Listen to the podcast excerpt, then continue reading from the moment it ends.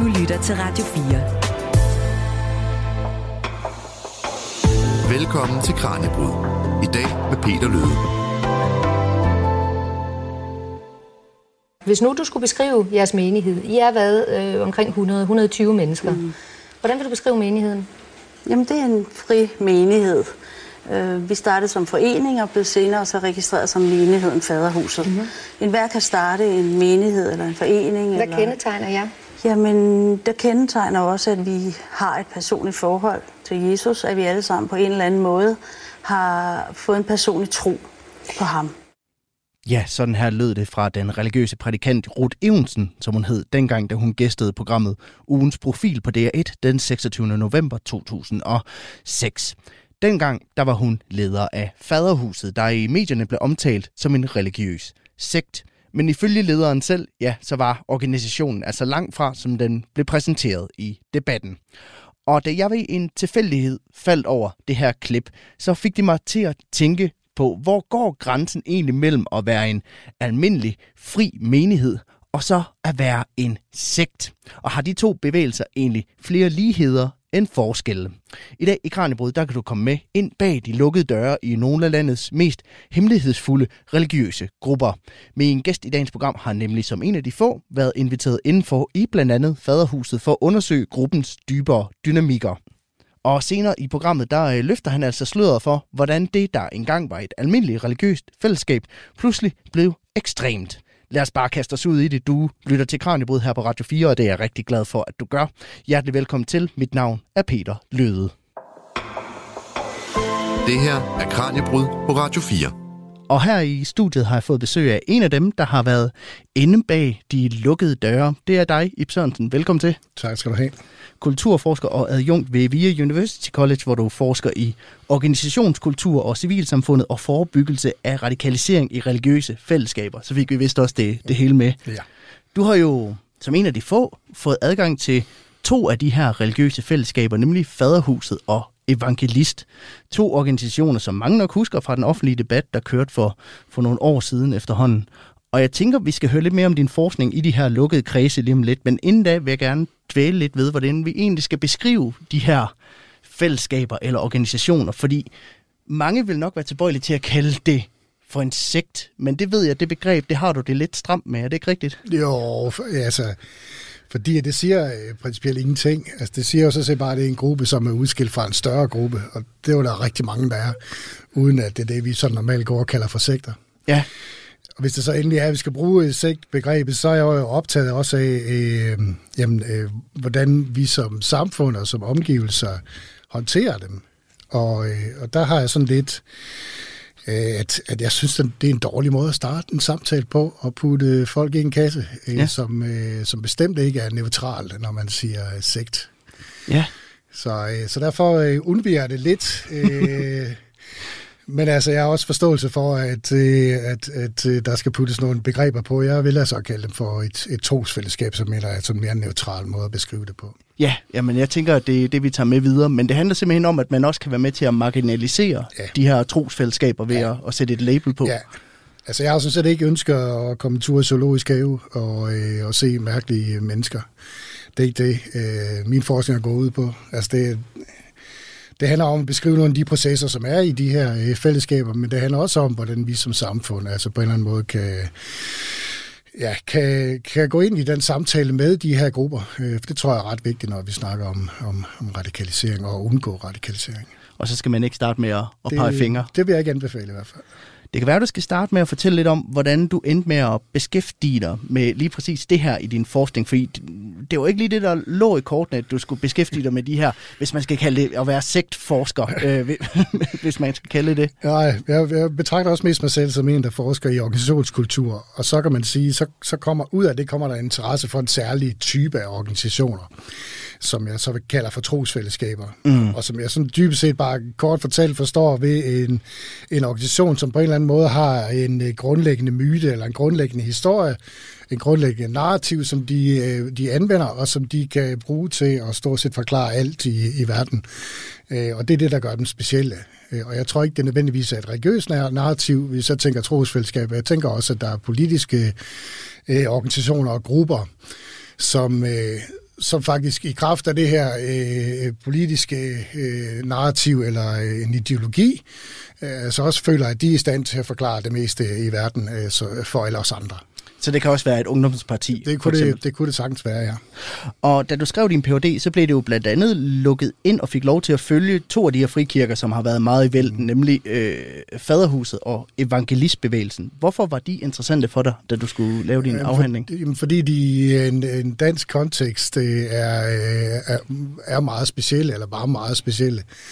Øh, Altså det, det er meget, meget sjældent, at hvis vi kigger på kristne øh, grupper i Danmark, at vi ser nogen, som, øh, som kommer så meget på kant med deres omgivelser, øh, og øh, øh ja, også kommer i, i søgelyset. Selvfølgelig er medierne af ren interesse, øh, men altså også i myndighedernes øh, søgelys. Det er faktisk temmelig sjældent i en dansk kontekst. Hvad var det så, du gerne ville se med, med egne øjne ved at blive lukket i det Jamen, her? Altså, det, det overrasker mig lidt. Jeg har selv en baggrund øh, et, et stykke tid tilbage, ikke? også øh, inden for det, øh, den, altså inden for frikirker i Danmark. Og det, det undrer mig faktisk dybt, at øh, så blev jeg interesseret i at tænke, hvad, hvad er der egentlig foregået inde, øh, inde i de her fællesskaber.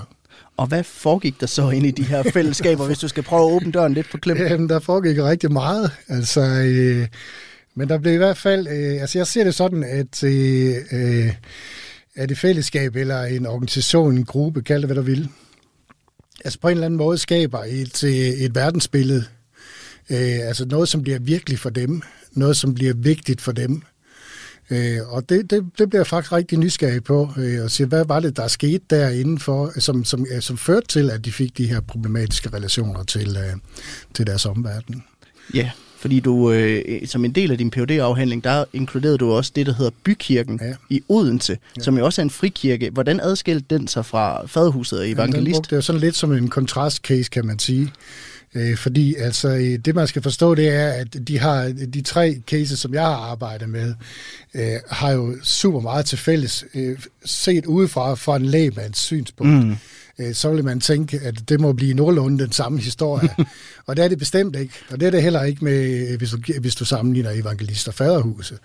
Øh, så, så man skal faktisk lidt ned under den der overflade, og det håber jeg også, vi kommer øh, i forhold til at få kigget lidt ind i, i, i deres univers af mening og forståelser. Og nu siger du, du brugte bykirken som en, en kontrastcase, ja. hvis man kan kalde det. Hvad er det, den står i kontrast til? Den står i kontrast til de to andre cases, øh, som så altså også er forskellige. Ja. Ikke? Altså, jeg tror, altså, hvis man bykirken på det her tidspunkt, det er vigtigt for mig at understrege, at jeg tror, at organisationer er levende, og at deres kultur er også levende. Øh, og det vil sige, at jeg går ned, og jeg laver et snapshot, eller et, et, et øjebliksbillede af dem, på et bestemt tidspunkt i deres historie. Men altså, hvis vi kigger på, på det her tidspunkt, jeg kigger på det, jamen, så vil jeg sige, at bykirken er sådan en traditionel øh, frikirke øh, øh, af sådan en pinsekristen øh, orientering. Ikke? Ja, og hvad overraskede dig så mest i, i arbejdet med, med, med Faderhuset Evangelist? Fordi jeg tænker, det er, jo, det er jo to organisationer, som der har været måske nogle myter øh, knyttet mm. til, men også som mange har et klart billede af. Hvad overraskede dig mest, da du så fik et blik ind? Ja, jeg ved ikke, øh, der, der, der er mange ting, der, der, der overrasker mig. Øh, jeg tror, altså det er den mest sådan basale, og det er lidt med, med metoden at gøre også. Altså det der med at bruge en, en antropologisk metode, hvor du rent faktisk øh, øh, lader dig øh, næsten indrullere, ikke? Øh, så, så oplever du det, det indefra. Øh, så, så det giver også en, en helt sådan faktisk en kropslig øh, øh, oplevelse. Så det bliver ikke bare en intellektuel erfaring, du, du forsker med hele din krop. ja. øh, og, og det er lidt specielt. Og der er altså evangelist for eksempel, Altså, der kunne jeg godt tage mig selv i sådan at blive grebet af en stemning, som de virkelig var i stand til, og du ved, at, at, at løfte til de, de helt høje navler. Øhm, øh, og hos Faderhuset var det nok sådan en, en, en, en mere sådan en indadgående oplevelse af, at øh, hvad er egentlig sandhed? Og mm. hvem bestemmer, hvad sandheden er? Og øh, kan man, er der overhovedet et grundlag for at sige, at noget er sandt i sådan et fællesskab? Det blev faktisk sådan meget øh, en, en helt sådan en fysisk erfaring for mig, så jeg var nødt til at køre mig en tur, og, og ligesom at, at få rebootet mit eget system. Øh, øh, så, så, så, men det er måske på den meget personlige del af det. Ikke? Men du spørger dig til, hvad, ja. hvad der var sådan en, en, en direkte erfaring. Ikke? Altså simpelthen lige få, få, få tænkt over, hvad er det egentlig lige, jeg har oplevet? Ja, ja, og, og, og det, er jo, det, det, det, det bekræfter så set meget godt en, en faglig pointe også, altså at, øh, at vores forståelse af verden, vores, øh, vores tilgang til verden, vores etik og, og vores verdensbillede i det hele taget, jamen de er socialt konstrueret. Og i det øjeblik, du så begiver dig ind i en helt anden sammenhæng, så vil du i første omgang opleve det her, wow, jeg falder ikke en dyt af, hvad de siger, eller hvad der foregår. Ikke? Men altså, længere der kommer ind, altså, jo mere begynder du at opfatte det her som en mulighed. Altså, sådan kunne man også se verden. Ikke?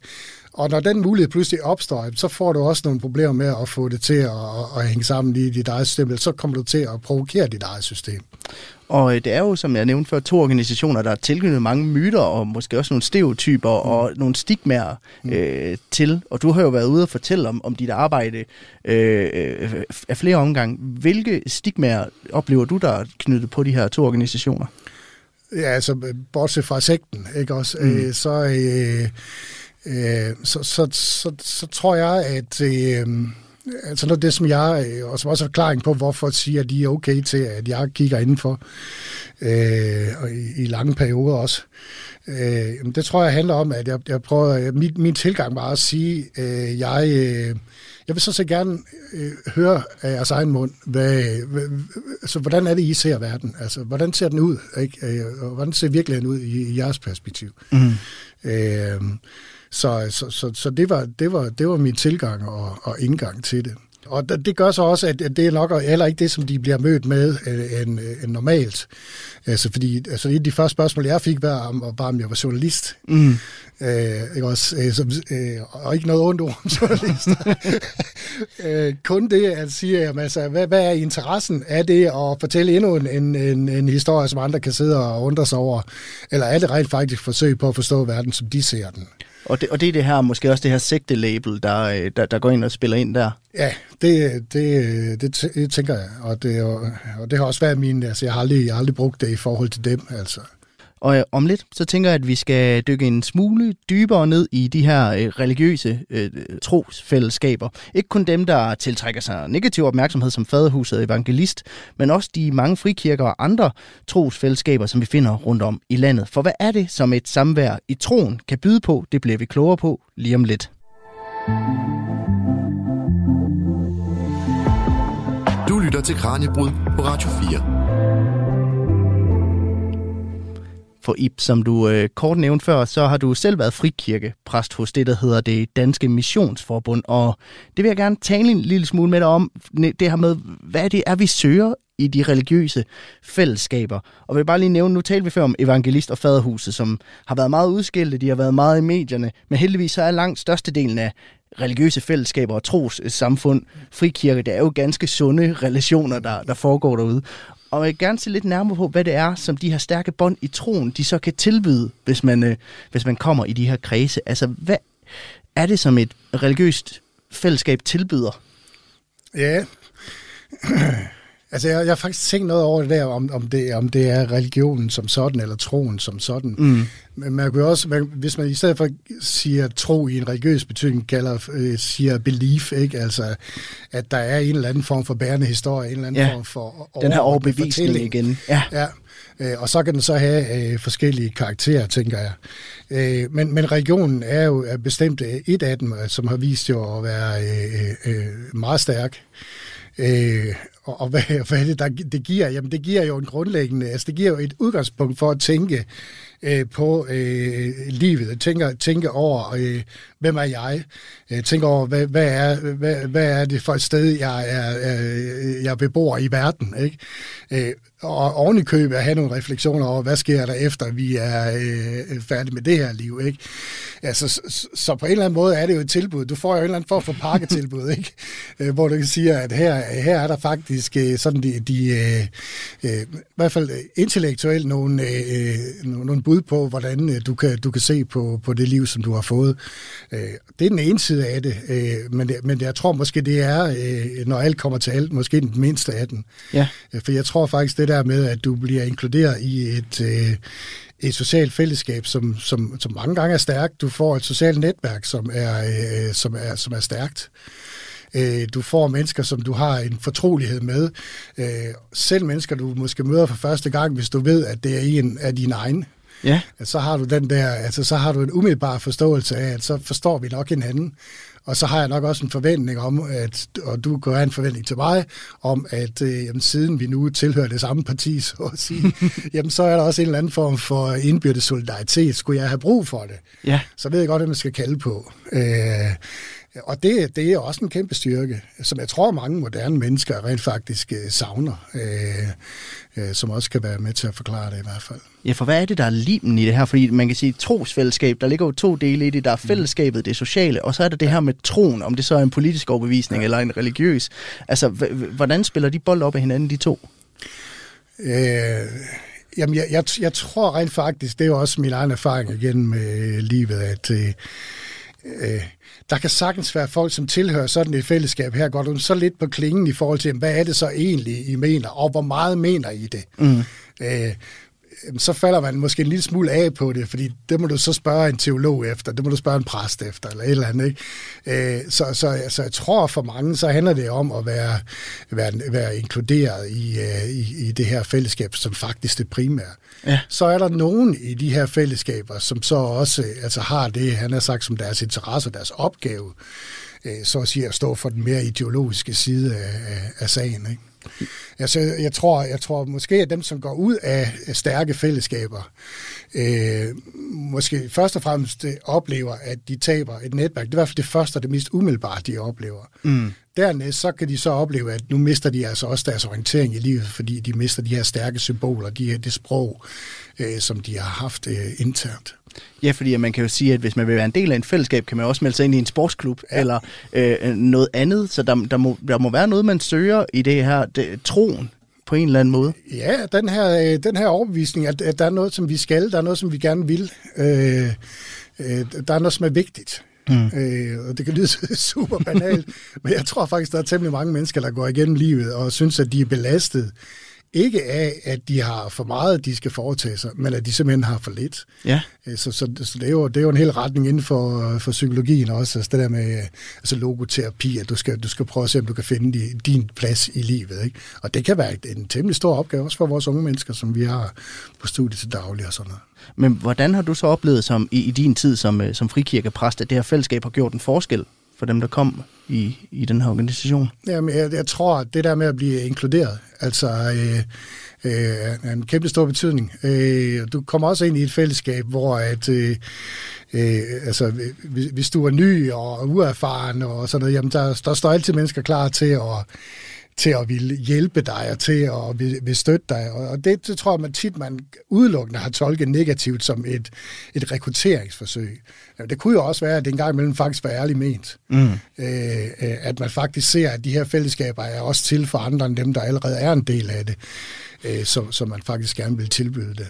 Ja, for ligger der noget i det her med, at man også mødes med nogen, der har den samme overbevisning som en selv, om det så er, at man er medlem af Venstres Ungdom, ja. eller, eller øh, en, en, en ja, religiøs... Det, det, det tror jeg, det gør. Altså, men, jeg, men jeg tror også, det er sekundært. Men altså, så, så er den der også, øh, ikke også øh, fordi at, øh, at det, det betyder super meget, at... Øh, at, at man har et fælles sprog det, og, og fælles forestillinger. Øh, Øh, Øh, fordi at hvis du kommer ud i andre sammenhæng, så skal du til at forklare, hvad det er, du mener. Og du skal også nogle gange til at forsvare det og lave noget apologi og hvad ved jeg, ikke? Øh, men, men er du sammen med en af dine egne, så, øh, så har vi en umiddelbar, et umiddelbar sprog for det.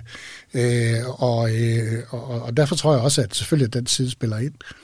Og om lidt, så tænker jeg, at vi skal zoome lidt ind på, hvad der så i nogle tilfælde kan trække de her to fællesskaber i en retning, som ikke længere er så sund. Vi skal nemlig se nærmere på, hvad det er for en radikaliseringsproces, der går i gang i de her få tilfælde, og som får de her grupper til at lukke sig om sig selv.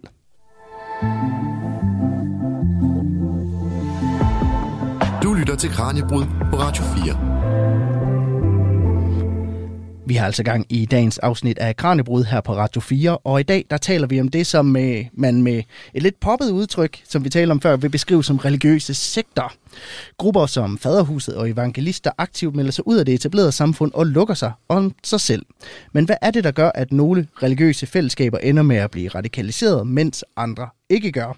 For vi har jo tonsvis af kristne foreninger, menigheder og frikirker, hvor der ikke er nogen grund til bekymring. Så den her forvandling, den vil jeg gerne prøve at forstå lidt bedre min øh, gæst i dag er i øvrigt Ip Sørensen, der er kulturforsker og forsker i især organisationskultur og civilsamfundet og forebyggelse af radikalisering i religiøse fællesskaber. Og Ip, som vi talte om før, så har du tidligere i din Ph.D. undersøgt tre frikirker, Faderhuset, Evangelist og så Bykirken i, i Odense, som udgjorde en form for kontracase øh, på de to øh, førstnævnte. Og vi har talt en smule om forskellen på, på, på de her forskellige, men jeg vil gerne høre, hvad er det, der gør, at for eksempel faderhuset og evangelist udvikler sig i den her mere ekstreme retning, hvis man skal kalde det, mens bykirken øh, øh, ikke gør. Mm. Jeg, jeg har egentlig lyst til, at vi prøve at starte øh, med slutningen. Ja.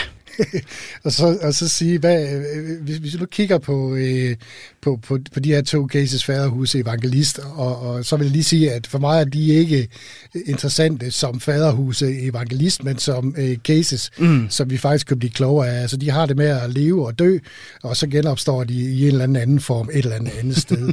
ja, meget, meget ja, kristent. Så, men, ja. men hvis vi skal starte med slutningen, øh, så, kan, så, så kan man sige, at, øh, at de aller, aller fleste trosfællesskaber, de får skabt en, en, en egen forståelse og et verdensbillede og et billede af det samfund, vi lever i, som gør, at de siger, vi er, vi er et supplement til dit liv. Ja. Vi er ikke, vi er ikke et alternativ. Ja. Og det er, det er nok der, hvor det, det største skillen kommer ind, øh, og, og øh, hvis vi skal starte med slutningen, ikke? Og så, kan vi, så kan vi snakke om, hvordan man kommer dertil. Men, men det, det er super vigtigt. Øh, og, og, og, og det er der, hvor man kan sige, at evangelister og faderhus har noget til fælles. For deres medlemmer, og, og den måde, de præsenterer sig selv for, for deres medlemmer, det de tilbyder deres medlemmer, det er at komme ind i et fællesskab, som kan udgøre et komplet alternativ til at leve det, vi kan kalde for et almindeligt borgerligt liv. Leve i det etablerede ja, samfund. Ja, ikke også? Øh, så det, det, det, kan, det kan de tilbyde. Øh, og så er der en anden dimension, og det er, øh, hvis man nu kigger på deres opgave, deres forståelse af, hvad skal vi? Mm. Hvad er vi for en slags? Hvad er vores opgave i verden? Og det der, så kommer der en skældning mellem faderhus og evangelist, fordi evangelist siger, at deres opgave, det er faktisk at være udadvendt. Så det med at lukke sig om sig selv, det er rigtigt til en vis grad. Ja men deres forståelse har været, var dengang i hvert fald, at det siger, at vi er et alternativ for vores medlemmer, men vi er også et alternativ for hele samfundet. Ja. Så vi skal ud, og vi skal reformere det her samfund. Mm. Faderhuset får en, en, en, tager en anden vej. De siger, at vi er et alternativ, og vi skal ikke have noget med den her verden at gøre. Vi trækker os tilbage. Øh, og øh, et, et meget sigende billede, som, som jeg har hørt, mens jeg var der, det er, at vi er sådan en Noras ark. Ja. Ikke? Altså, vi, øh, vi er de, de, de sidste, der, der, der, der er ret troende. Ikke? Også, et vi, skib for de ja, udvalgte. Præcis. Ikke? Så, så, så det er slutningen, kan man sige. Og så kan man så begynde at snakke om, hvad, hvad sker der undervejs. Ja, fordi at man kan sige, at altså starter organisationer som øh, Faderhuset Evangelist, starter de som frikirker som alle andre, eller starter de med den her isolerende øh, tilgang? Øh, de, de, de to cases, de, de starter egentlig som, øh, han har sagt, som del af et, et større netværk. Mm. Øh, for øvrigt en af de problemstillinger, der opstår, at de også bliver ekskluderet fra, øh, han har sagt, de netværk, de måtte have undervejs. Ikke? Men det starter de egentlig som, og det er også vigtigt at sige, for mig i hvert fald, at, øh, at, at det er altså, sådan, sådan, sådan nogle kultur, som jeg vil kalde øh, de her øh, fællesskaber, de er levende. Øh, og, og, og hvis vi kigger på Faderhuset, starter det jo sådan set som en, en ret respekteret kristen gruppe på Nørrebro, kendt for også at tage sig af øh, folk med, med, med forskellige former for udfordringer, som faktisk bidrager ind i samfundet. Øh, og så sker det, som de også selv kalder, altså en stor reformation, som så gør, mm. at de øh, bevæger sig andet sted hen. Så, så det er vigtigt at sige, at det er levende, og der er nogle, det er de her processer, der er interessante. Ja, hvad sker der så i evangelisttilfælde? Hvor starter de hen? Jamen, de starter jo egentlig også som, øh, som en, en, en missionsorganisation øh, inden for øh, øh, kan man sige, en etableret øh, større gruppe af kirker. Øh, og så lige så stille, så udvikler de sig til at være deres egen, øh, deres, deres eget fællesskab, kan man sige. Og, og, og det vil også sige, at det, det fællesskab, de er bare en del af, øh, så at jeg også begynder at lægge afstand til den.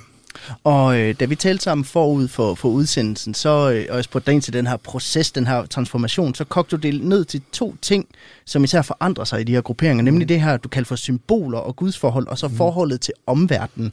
Hvad ligger der i det her med symboler? Nu er jeg så glad for, at det er sådan lidt et videnskabsprogram, det her, fordi det kan godt gå hen og blive bare en lille smule øh, langhård, men jeg skal nok prøve at, at, at begrænse det. Ikke? Altså, øh, vi, øh, vores tænkning, sådan helt basalt set, er jo bygget op i vores, er jo bygget op i vores sprog. Mm. Øh, og, og, og ligesom vi siger, hvornår har vi en rigtig jul? Ikke? Og så kan vi jo alle sammen pege på noget med, at der skal være dit og dat, ikke? og så er det rigtig jul. Og der kan vi have vores forskellige traditioner i familierne. Så så det er basalt set det, symboler er. Mm. Det er på en eller anden måde noget, vi investerer vores mening i, og som, når, som vi også kan trække vores mening ud af. Ja. Så det vil sige, at vi er dybt afhængige af at have nogle ritualer. Vi kan være dybt afhængige af at have et bestemt sprog øh, og bestemte ord, som, som, øh, som når vi udtaler dem, så på en eller anden måde kalibrerer det vores forståelse mm. af verden. Så, så vores ord og den måde, vi beskriver den, danner vores virkelighed. Ja, og, og, øh, og, og derfor er de super vigtige, de her symboler. Og derfor, hvis man laver kulturstudier, jamen, så går man tit ind og kigger på de, netop de her symboler. Øh, fordi det er dem, der er på en eller anden måde er meningsbærende. Tager mm. du dem væk, øh, jamen, så, så, vil, så, vil det også, så vil vores forståelse og vores verdensbillede også forvitre.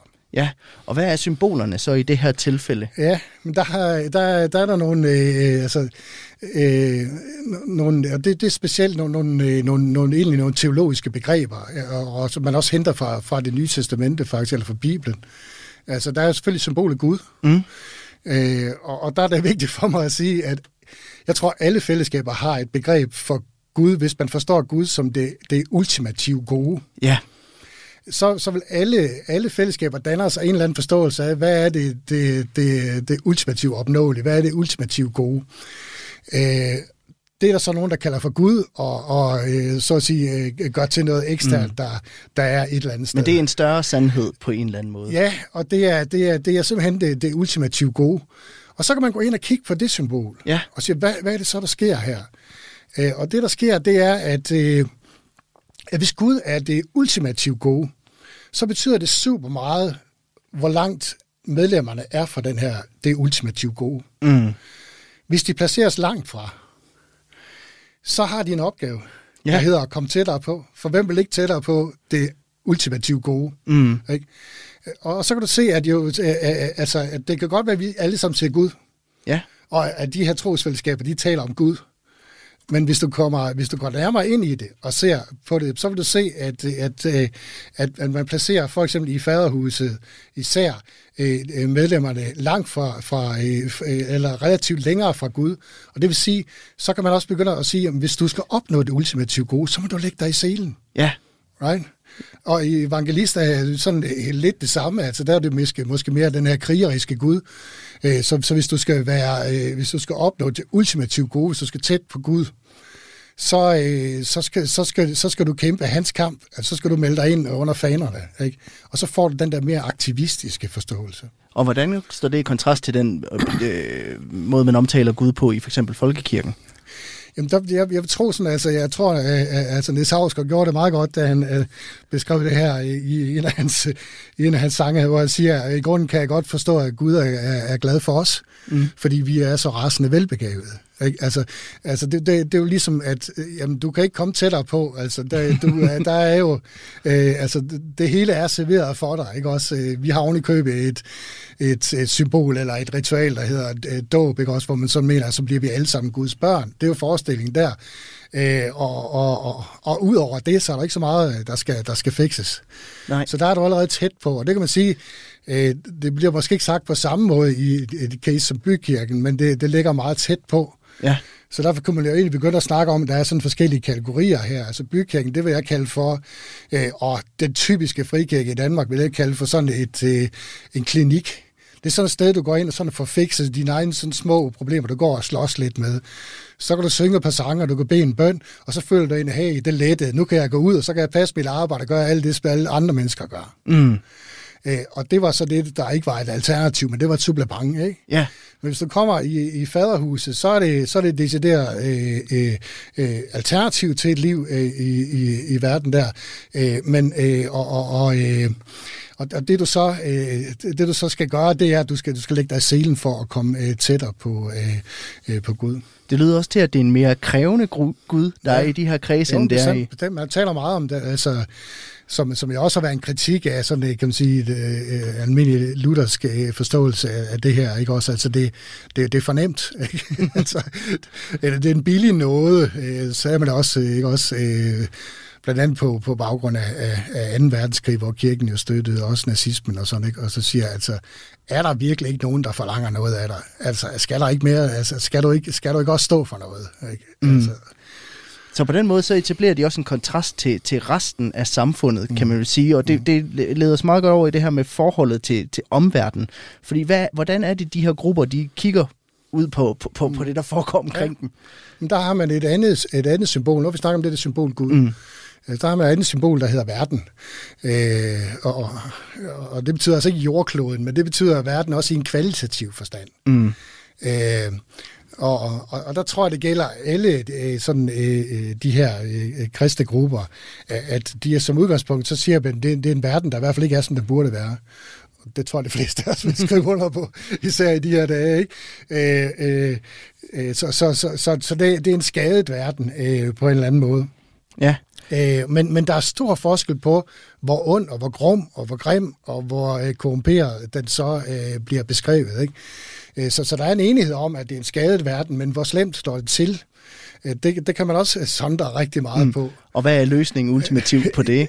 Øh, jamen, jamen, det er jo, at enten så, øh, så vil man sige, at verden den er øh, så råden, at øh, det vil man sige i faderhuset for eksempel, mm. den er simpelthen så råden, at der er ikke, vi, vi venter bare på, at der kommer en ny verden.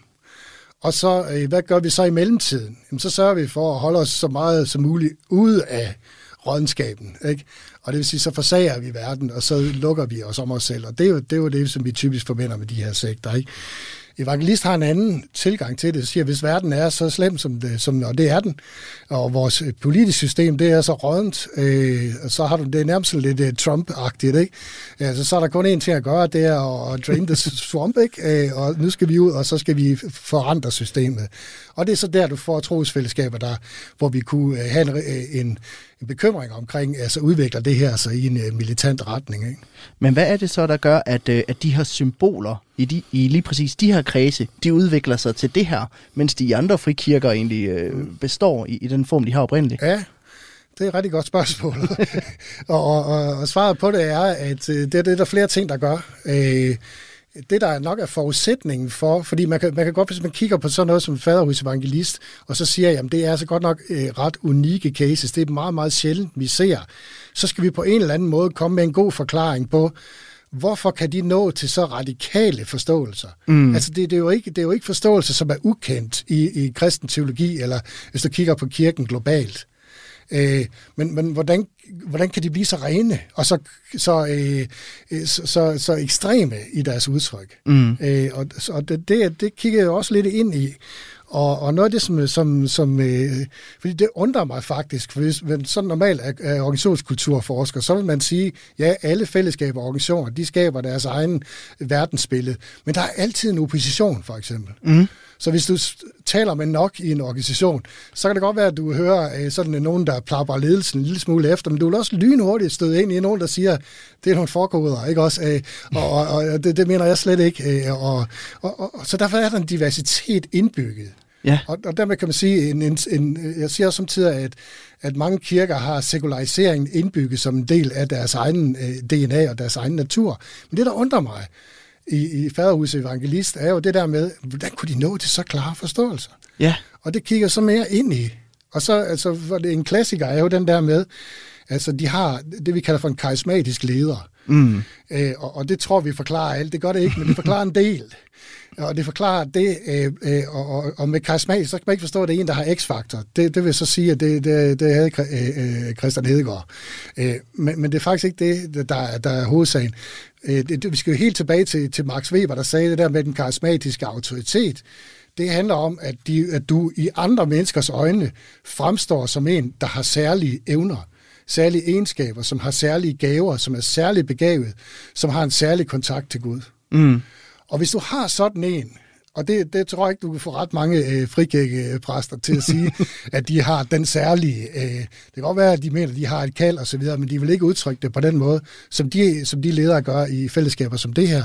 For de vil ikke være i tvivl om, at de har en særlig... De er udvalgt til at gøre det her de har en særlig kontakt, der også gør, at de kan besvare spørgsmål, som ingen andre kan besvare. Altså, der vil altid være en tvivl. Altså, hvad, hvad vil det rigtige være? Og kan man overhovedet svare på det her spørgsmål? Ja, det kan man. Fordi du har ikke bare, han har sagt, en, en, et, et skrift til, til grund. Du har faktisk en, der, der fortsat får åbenbaring. Ikke? Ja. Så, så, så en af forklaringerne på, at man kan nå til så klare og så radikale forståelser, det handler simpelthen om, at du har en autoritet, som, øh, som, som ikke bare er et klogt og et øh, begavet menneske, men som er et udvalgt menneske, ja. som, som, som bærer det her. Så det, det, er, det er en ting af den. Og så, så er der også en, en anden ting, som, som er vigtig for at forstå det der med, hvordan kan det blive så ekstremt, altså og rendyrket et, nogle af de her synspunkter. Man skulle tro, der var nogen, som ville øh, kaste grus i maskineriet. Øh, og det er, at hvis man kigger på... Øh, alle kulturer har jo, har jo en viden, eller bygger på en viden, som man siger, det her, det er, det er, det er sandheden, det her, det, mm. det er det gode, det her, det er, det er de, vi har bestemt forskellige kilder, øh, hvorpå vi når til forståelser af verden. Øh, det, man gør inden for inden i, i det, der sker både i evangelist og faderhuset, er, at man, man siger, at vi har en særlig form for viden, og den skal vi prøve at holde ren. Og det vil sige, at den skal ikke forurenes med videnskab. Den skal ikke forurenes med diskussioner med folk øh, udefra. Mm. Øh, fordi at det, vil, det vil kun gøre det her billede mere uklart. Og det, det vil det garanteret også. Men det er forklaring på, hvorfor at din opnår det, jeg kalder for en klarhedskultur. Altså at, at, at vi ser en, en, en, en meget, meget høj grad af enighed øh, øh, internt i, i de her bevægelser. Og så det, det sidste, det handler om, at man også systematiserer mm. uddannelsen ja. og træningen af, af, af medlemmerne. Altså så alle går igennem, igennem den samme proces? Ja, som, og, og, øh, og, og det, kan, det kan være lige fra, at man, evangelist for eksempel var jo kendt for at opkøbe øh, landsbyer, han har sagt, ikke? eller i hvert fald var, det var, det var noget af det, som man var nervøs for i lokalsamfundet, at, at man flytter simpelthen sammen. Og det betyder jo også, at hvor, hvor kan man sige, andre mennesker bor i, i forskellige dele af Aarhus og mødes måske om søndag, eller siger hej til mm. hinanden, hører en prædiken, de kører hjem igen. Altså, de er, ikke på, de er ikke på samme måde holdt sammen omkring øh, øh, de her øh, øh, forståelser. Så, så bogfællesskaber, hvor man også altså, helt sådan fysisk øh, flytter sammen. Så simpelthen en fysisk osteklokke? Ja, og, og det er faktisk, det, det, jeg oplever selv, hvor effektivt det er. Ikke? Altså, øh, evangelist har med de her forståelser af, at alle sygdomme, det skyldes, øh, det skyldes dæmonisk aktivitet. Øh, og, og, og, øh, og så sidder jeg en morgen og, og spiser morgenmad sammen med nogle af dem, så kommer der en, og han, han, han er sådan lidt sløj, ikke? så, så spørger de andre så, hvad, hvad er det med dig? Øh, mm. Øh, jamen, jeg er måske ikke sådan lige helt på toppen. Og så siger en af de andre til ham, du ved godt, hvad det er. Og det undrer mig sådan lidt, hvad mener man? Hvor, hvorfor mm. siger han det? Altså, mener han, at du ved godt, du har influenza, eller du har feber, du har et eller andet. Hvad mener han med det? Øh, men, men efter som samtalen skyder frem, så finder jeg ud af, at når han spørger efter, du ved godt, hvad det er, så er det, du skal ikke begynde at fortolke det her som noget, der har med en virus at gøre. Nej. Og derfor skal du heller ikke søge læge. Du skal, du skal forstå, og, og det hjælper vi dig lige med at huske på nu. Ja. Det hjælper vi dig lige med at sørge for, at du har forstået, at det her, det handler altså om, at der er en, en åndelig ting, der, der er på spil. Og derfor så er også øh, løsningen, at, at vi skal have dig befriet fra de her dæmoner. Og øh, bliv hængende derude bag højtaleren, og lidt så skal vi dykke ned i, hvornår de her trosfællesskaber, de skal så gå hen og bliver problematiske.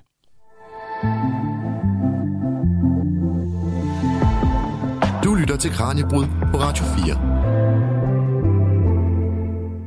Her i studiet har jeg stadig besøg af kulturforsker Ib Sørensen, og jeg kunne godt tænke mig at se på, hvornår de her grupper, som vi har talt om, de egentlig bliver et problem, fordi man kan jo sige, at vi har jo religionsfrihed herhjemme ifølge grundloven, så det står egentlig frit for at praktisere sin religion, som man nu har, nu har lyst til. Hvornår bliver det et problem, den måde, som man gør det på i for eksempel faderhuset og evangelist? Ja. Øh, altså, en del af min forskning handler jo også om civilsamfundet, øh, og derfor har jeg også sådan lidt et, et ambivalent forhold til det. Altså, typisk set, så tænker jeg, øh, det er godt, vi har nogle grupper, øh, som, øh, som udfordrer kan man sige, vores almindelige måder at tænke på, øh, og som øh, de kan være temmelig innovative også. Øh, så, så jeg er egentlig, jeg, jeg, jeg går ikke ind for et samfund, hvor vi prøver at, at begrænse de her muligheder. Øh, men, men man kan så sige, hvor, hvor er det så, at, at vi, han har sagt, det, det omkringliggende samfund, hvem er der så skal repræsentere det, det ved jeg ikke. Øh, men hvor, hvor kan vi komme ind i billedet, og hvor, altså, hvor, hvor begynder man at sige, at nu... Øh, Altså nu er der nogle problemstillinger, og det vil det jo være, typisk være at sige, at altså, der er øh, øh altså, der er et brud på, øh, på lovgivning. Mm. Der, der har vi ligesom alle sammen en forpligtelse på. Øh, der kan selvfølgelig også være en almindelig bekymring for, at de mennesker, som nu er en del af det her, øh, er, de, er, de, er de okay? Øh, ikke også? Hvad sker der med børnene i faderhus og sådan? Øh, så, øh, så et eller andet sted kommer det jo ind i, i, i billedet, at, at, at der er andre, der er nødt til, uh, uanset religionsfrihed, uh, og, uh, og, og stille nogle kritiske spørgsmål. Ikke også? Ja, fordi man har også tidligere diskuteret det her med, om man for eksempel skulle overvåge, ja. hvad der foregår i moskéer, ja. for eksempel. Altså, det, det er vel også den samme mekanisme, der er på spil der ja. i nogle af de her øh, fællesskaber.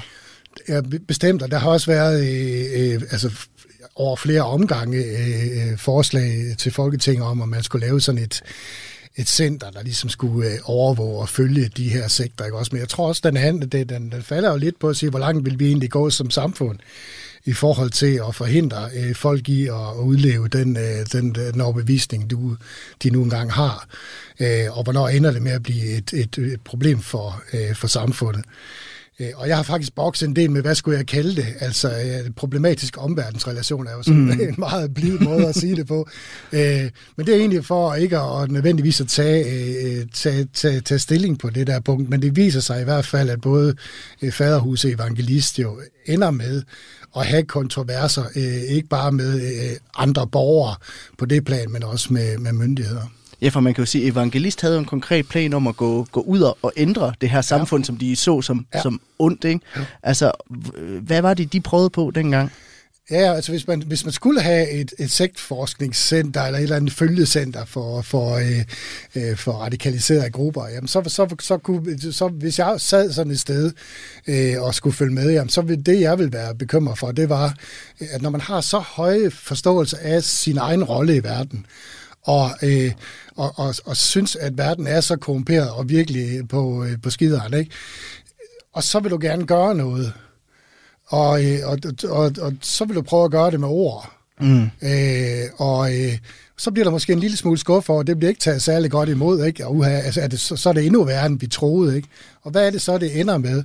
Jamen, så kan det godt ende med, og det er der bekymringen. Jeg siger ikke, at evangelist gjorde det, men jeg siger, at det der øh, bekymringen er, at, at hvis du i hvert fald i den her form for aktivistiske fællesskaber, altså så tænker man måske på et tidspunkt, øh, skal vi tage andre midler i brug? Og det ved vi fra andre øh, grupper, som har også udviklet, altså Blekingegadebanden og sådan noget, har været sådan en, netop også en glidende øh, udvikling hen imod, at, at andre øh, midler og metoder, som man øh, havde forsværget, øh, man aldrig ville bruge, faktisk gik hen og blev almindelige og blev øh, accepteret.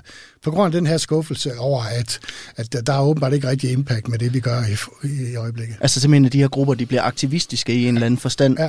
og måske, hvad kan man sige, væbnet, prøver at ændre ja, samfundet. Ja, ja. Altså i hvert fald kan man sige, det jeg, det jeg mødte evangelist var, at du skal ikke stå tilbage. Altså der var faktisk temmelig øh, øh, sådan, øh, også påtagelige og også øh, fysiske konfrontationer med, med, med de folk, der boede over i Vestjylland, over i Arnborg og så videre. Øh, og, og, og jeg siger ikke, at evangelist de holdt sig sådan set meget øh, på, på måtten, ikke? Men hvis det skulle have udviklet sig, sådan at det her blev voldeligt, mm. jamen så har de givet tilbage. De har ikke vendt den anden kendt til. Og hvorfor har de så ikke det? Man ville ellers tro, det var en god kristen dyd. ikke? Øh, men det er simpelthen fordi, altså, vi, vi er sat i verden for at fortælle de andre, hvordan det skal være. Det er os, der har forstået det. Ja. Og derfor finder vi os ikke i, at der er nogen, der prøver at holde os tilbage. For hvad er det, de gør? De gør ikke bare os en... De, de, de forhindrer ikke bare os i at udleve et eller andet. De forhindrer faktisk alle de andre i at blive frelst, blive helbredt. Ikke også? Altså, så du, du får skabt et narrativ, som faktisk på den måde er bekymrende. Og øh, vi har så småt øh, fem minutter tilbage her i studiet i dag, og jeg tænker, vi skal bruge den sidste tid, vi har sammen på at tale om, hvordan man så kan bruge den her viden, som vi har, øh, og, og de her ting, som vi har lært i løbet af programmet, til måske at prøve at, at undgå, at det ender der, hvor de her grupper de bliver aktivistiske. Fordi at, altså, hvilke perspektiver ser du i at bruge den her viden til at til, altså, forebyggende? Ja, men altså, grunden til, at jeg begyndte at interessere mig for det, altså udover at det var en, en, en, en faglig personlig interesse, altså det var jo også at sige, øh, øh, hvis man er leder i alle mulige sammenhænge, jamen så, så får man tit en eller anden form for, øh, for uddannelse. Og jeg tror faktisk noget af det, som er med til at gøre, at, at, det, måske, at det netop aldrig udvikler sig til at blive super øh, øh kan man sige, ekstremt eller radikalt, altså det er, at man faktisk er uddannet. Mm. Det, det, nu er jeg uddannelsesmand selv, så det er jeg jo nødt til at tro et eller andet sted. Øh, men, men jeg, jeg tror rent faktisk på det. Øh, så, og, og derfor tænkte jeg, at altså, hvis man på en eller anden måde kan komme det nærmere, øh, og også prøve at være temmelig præcis på, øh, altså mit studie ville for eksempel kunne bruges af folk, der kommer fra den her verden, fordi de vil udmærket forstå, øh, øh, hvad det er for, for, for skred, øh, der finder sted, og deres medlemmer vil også kunne læse det, og vil kunne sige måske, hey øh, pastor, øh, er vi på vej ud af noget, som vi måske senere hen vil fortryde. Ikke? Mm. Øh, men der skal skabes et grundlag for det, så, så jeg tror det der med at uddanne, og, og så har der selvfølgelig været noget forslag om, at man skulle tvinge folk ind i bestemte uddannelser, hvis de skulle lov at praktisere som, som prædikanter og så videre. Vi har faktisk lavet nogle, nogle ting på det der. Og der har det sådan lidt igen, altså, hvor, hvor meget vil vi gå ind og styre øh, de her øh, grupper og civilsamfundet i det hele taget, fordi det er nogle ganske få, vi prøver at, at ramme med nogle politikker og nogle procedurer, øh, men, men, men det er jo sådan set det store flertal, som ikke har nogen problemer, som vi, som, som vi faktisk ender med at ramme med det. Ja, for man kan også tale om det her med, at nu det er meget få, der, der, udvikler, der udvikler det her, men øh, kan man på en eller anden måde screene de her trosfællesskaber og se, om der er nogen, der er i gang med at udvikle sig til det her? Jamen, ja, så, men når jeg præsenterer det her for mine studerende en gang imellem også, så, øh, så siger jeg til dem, du, du kan også bare øh, øh, tage det som en opskrift på at lave din egen sekt, for du kan jo så til bare gøre de her ting, så skal det nok, øh, så skal det nok øh, gå øh, der er godt øh, inden for det. Øh, jeg tror, det er vigtigt at få det beskrevet. Jeg tror, det er vigtigt at, øh, at, at sige, hvis vi, at vi kan, vi kan komme det nærmere, hvad det præcis er. Ikke? Altså, at du, kan, du kan faktisk gå ind og analysere på, lad os sige, en prædiken. Du kan gå ind og analysere på en samtale mellem øh, øh medlemmer af den her gruppe, og, og så kan man faktisk gå ind og så kigge på, hvad, hvordan bruger du de her centrale symboler, ikke også? Øh, øh, og, og, og vide også, hvad konsekvenserne er. Så, så viden det, og uddannelse, tror jeg, er, er, er en af, af, af, af løsningerne på det. Og så tror jeg altså også, det er vigtigt, øh, at, øh, at der er nogen, som forsøger at forstå den på deres egne præmisser. Mm. Altså hvis du, hvis du tager som udgangspunkt, at, øh, at jeg kommer fra det sted, hvor vi jo heldigvis ved, hvordan verden hænger sammen. Så nu vil jeg så bare høre, hvor tosset du er. Ja. Det, er ikke, det, er ikke, det er ikke den approach. Det vil, de, altså det vil kun gøre den mere radikale. Det, det er igen den her marginalisering, vi talte om i starten. Det vil fuldstændig bekræfte deres forståelse af, hvordan tingene er. Øh, og så tror jeg måske, et tredje, øh, det er simpelthen at prøve at være, være, være i dialog med dem. Og det var faktisk mit forhåbning, øh, men min, min forhåbning, det, det lykkedes så ikke, vil jeg så sige. Men en tredje ting vil være, der er altid omkring dem et netværk. Ja. Øh, der, der, er, altså, der er Pinsekirken i Danmark, der er noget, der hedder Frikirkenet, som jeg ved gjorde alt, hvad de kunne for at være stadig i dialog, også med de her øh, øh, karismatiske ledere, ikke? men i kraft af, at de så så sig selv som de, de sidste udvalgte, jamen så, så blev det jo også, øh, øh, så, så blev den forbindelse også brugt. brugt. Så, så tror jeg, i stedet, jeg tror ikke, vi andre kan gå ind og lære dem noget, men jeg tror, der er nogen i deres omgivelser, som de trods alt har en vis tillid til, som vil kunne have en stor saying ind i de her. Øh, og derfor tror jeg, det er vigtigt at understøtte, øh, kan man sige, de netværk, der er, øh, øh, i stedet for måske at, at, at kategorisere dem alle sammen som sektor, eller nogen, vi skal holde øje med. Mm. Så tror jeg faktisk, der er et potentiale i at sige, at der er omkring alle de her grupper, der er der i hvert fald i visse dele af deres historie, andre, som faktisk kunne være med til at sige, at øh, måske skulle I lige tænke det her anderledes. Og nu begynder vi så småt at løbe tør for tid i dag, men hvad, hvis vi så skulle pinpointe et eller andet, der er allervigtigst at forstå som udenfra, udforstående, der står og kigger på de her trosfællesskaber, øh, hvad skulle det så være? Jamen, det bliver, det bliver en meget, meget kedelig konklusion fra min side.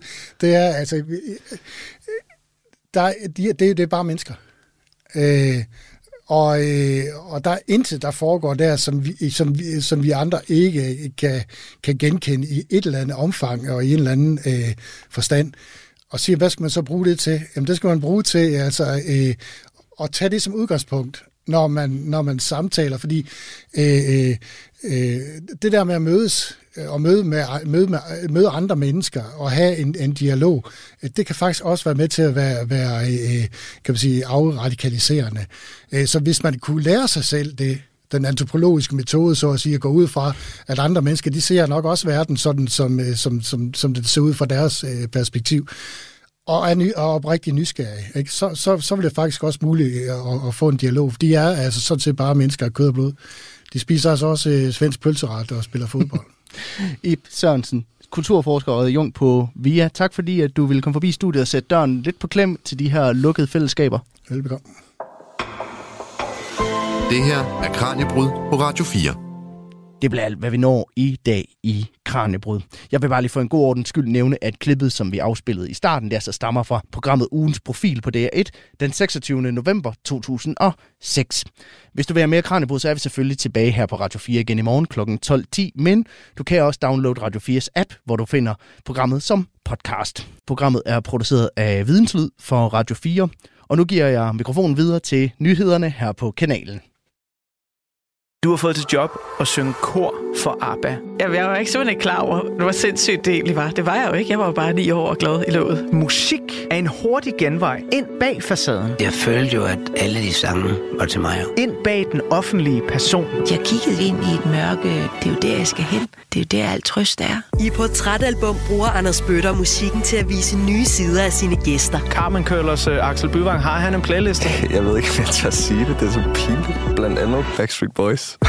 Lyt til Portrætalbum i Radio 4's app, eller der, hvor du lytter til podcast. Radio 4. Hold kæft, mand. Det tror Ulla Terkelsen ikke, det der. Ikke så forudsigeligt.